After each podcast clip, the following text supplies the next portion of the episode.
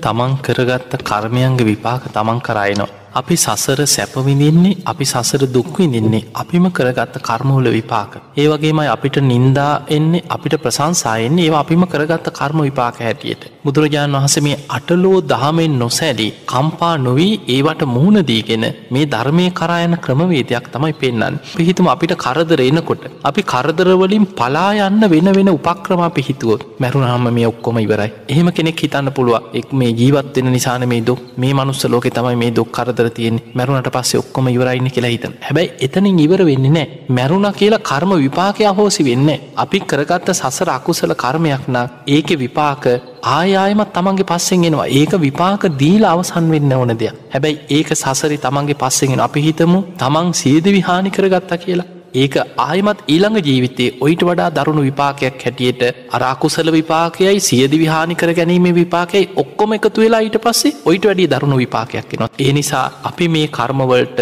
ධර්මය තුළින් හොඳ ඉවසීමෙන් කරුණාවෙන් මූුණ දීලා කරුණා මෛත්‍රය තුළින් ඒවා ගෙවාගන්න ක්‍රමයක් හොයාගන්න ඕනේ. දැන් අපි හිතමු දැන් පටාචාරාව ගැන හිතන් හැබැයි නිවන් දැක්ක. බලන්න නිවන් අවබෝධ කරන්නත් පිනක් තිබුණ. බැයි නිවන් දකින්න පින තියෙනවා ගැනම පුංචි පහහි පින නෙවෙනි සසරි. නිවන් අවබෝධකට පින තිබ්බ කෙනා හැබැයි ඒ ජීවිතය තුළ මොන්න දුකක් වින්දද? තමන්ගේ ස්වාමිය සර්පයෙක් දෂ්ට කළ මරණයට පත් වුණ. තමන්ගේ දරුවෝ දෙන්න තමන්ගේ ඇස් ඉදිරිපිටම මරණයට පත් වුණ. අවසාන කිසිම පිළිසරණක් නෑ. එක දරුවෙක් ගගේ ගහගෙන ගියා එක දරුවෙක් කුක්කුසෙක් අරගෙන ගිය. අවසානයේ අම්මතාත්ත හොයාගෙන තමන්ගේ ගමට එනකොට පිළිසරන්නට හිටි එච්චරයි. එනකොට ඇතින් සෑයක දැවෙනවා පේනවා මිනිස්සුන්ගේ අහනකොට කියන ඔයි සෑයි දැවෙන්නේ ඒ අම්ම තාත්ත ඊ මැරණයට පත් වුණ. එතකොට අන්තිමට එක්කම නේ දවසක තමන්ගේ පවුලි සියලු දෙනාම මරණයට පත්වන අපි දැක්ක සුනාමි වගේ විපත්වලද. මේ රටේ සමහරලාවට මේ එක්කෙනා ඉතුරු වෙලා පවුලි හත්තට දෙනා මරණයට පත් වුණ. තමන්ගේ දෙමවපියන්ද දරුවන්ද ඥාතීන් සියලු දෙනා මරණයට පත් වුණ සමහල්ලාවට ගමනක්ගේ එක්කෙනෙක් ඉතුරුණ. එක්ක රටගීල ජීවත්වෙච් එක්කෙනෙක් ඉතුරුණා. ඔහු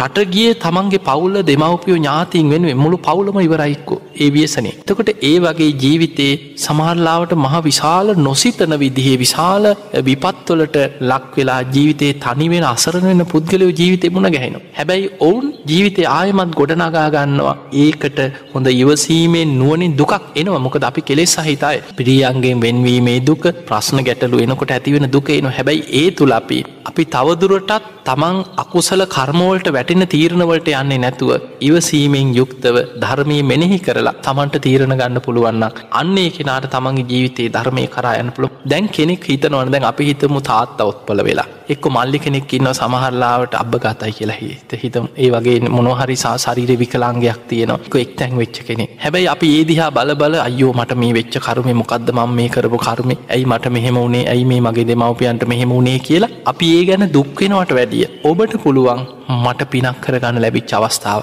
මේ තාත්තට මේ මගේ දෙමවපියන්ට මේ අසරණ වෙච්ච වෙලා මට කරුණා මෛත්‍රියෙන් සලකන්න පුළුවන්න ඒ හිතන සිතුවිල්ලක් තුළ පවා මේ මළමුට රස් කරනකොට සුද්ධ කරනකොට නාවනකොට උනුවතුර එකක් වුණු කළ නාවනකොට බට්ටික කවනකොට ඒ හැම වෙලාම මට පිනක් රැස්සෙනවා නේද. ඒ පින තුළින් මම සසර කරපු අකුසලයක් තියෙනවන ඒකත් ගෙවෙනවා නේද. ඒ විදිහට කරුණාවෙන් මෛත්‍රියෙන් ඒ අය ගැන හැම වෙලාම කරුණා මෛත්‍රයේ සිතුවිලි ඇති කරගෙන තමන් වෙන කවරදාටත් වඩා පින් සිතුවිලි තුළම මේ කරන ඇප උපස්ථානව කරන්න පෙළබෙනවනම්. ඒ තුළ කරුණා මෛත්‍රයේ පතුරුවනවන තමන්ට පුළුවන් භාවනාවක් හැටියට ඒ අය අරමුණු කරගෙන භාවනා කරන්න. මෛත්‍රී භාවනා වඩන් වගේම මේ මම විතරක් මගේ පවුල ඇ විතරක් නෙමේ මේ ලෝක තව කොච්චර ඉන්නවාද? අපිට සමහර වෙලාවට අපේ පවුල සිදුවීම හිතල අපිට හිතෙන්න පුළුවන් ඇයි මට මෙහෙම වුණේ මොකක්ද මං මේ කරපු කරමේ හැබැයි ලෝකෙ දිහා බලනකොට සමහලාට ඔබ ස්පිරිතාලකට ගහල ඔබ ඔබට ලෙඩක් හැදුනා ඔබ හිතෙන්න්න පුළන් ඇයි මට මේ ලෙඩ හැදුන? ම මෙච්චර මෙහම ඉදල හැබැයි ස්පිරිතාලකට ගහිල බලපුහම් පේනවා ඔබ වගේම සිය දහස් කනල් ලෙඩ්ඩු ඉන්න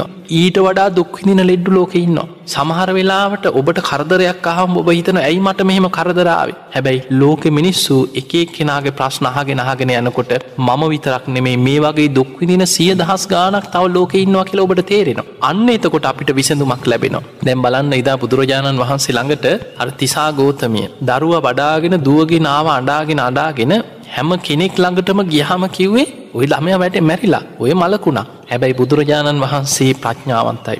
උන්වහන්සේ කිව මේ දරුව මට සනීප කරන්න පුළුව දැන් කෙනෙකුට හිතෙන්න්න පුළුව මේ බොරුවක්නේ කියෙන හැබැයි ඒ තුළ තමයි කෙනෙක්ව යහපතට අරගෙන යන්න ඒ බුදුරජාණන් වහන්සේ යොදෝප උපක්‍රමය. ති මේ අම්මට ඊට වඩා දෙයක් නෑ. අනේ ස්වාමිනි මොනවදමං කරන්න ඕනේ? බුදුරජාණන් වහන්සේ වදාල බේතක් තියෙනවා මේ අබ වගේයක් හොයාගෙන ඕන. අනි ස්වාමිනි මං අපටික හොයාගෙන ඉන්නම් කියලා දරුවත් තියල දුවන්න ඇද බුදුරජාණන් වහස වදලන්නේ දරුවත් අරගෙනම යන්න අප හොයාගෙන ඉන්න.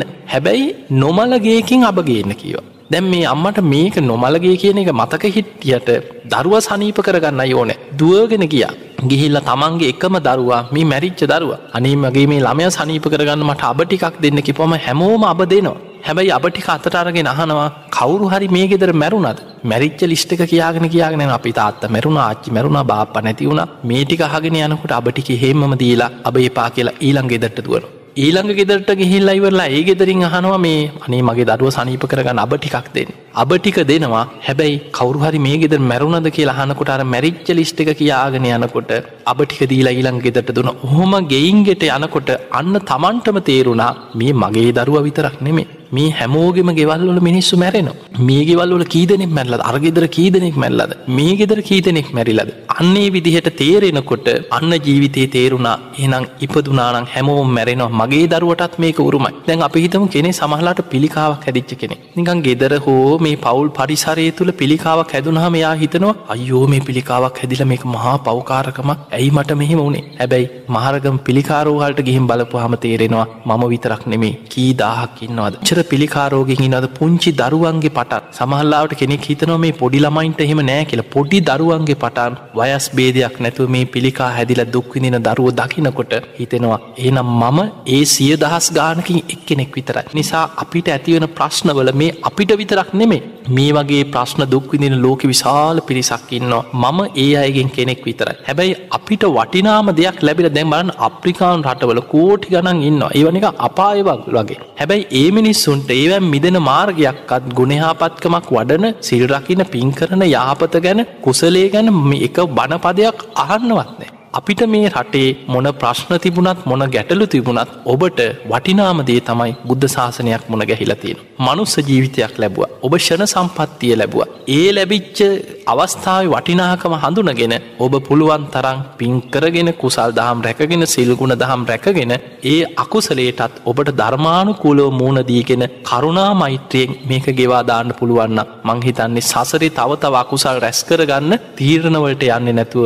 ඔබ නුවන බුද්ධිය මෙහෙවලා ලැබිච්ච මනුස්ස ජීවිතය වටිනාකම තේරුම් ගන්නවන ඔබට මේ පෙර කර්ම ගෙවාදාගෙන අලුතෙන් අකුසල් රැස් නොකර පුුණ්‍ය කර්ම රැස් කරගෙන මේ සසරේ යහපත් මාර්ගයකට තමන්ට සැප සහිත මාර්ගයකට නිවන කරායන මාර්ගයකට ජීවිතයේ සකස් කරගන්න පුළුවන්කම තියෙනවා.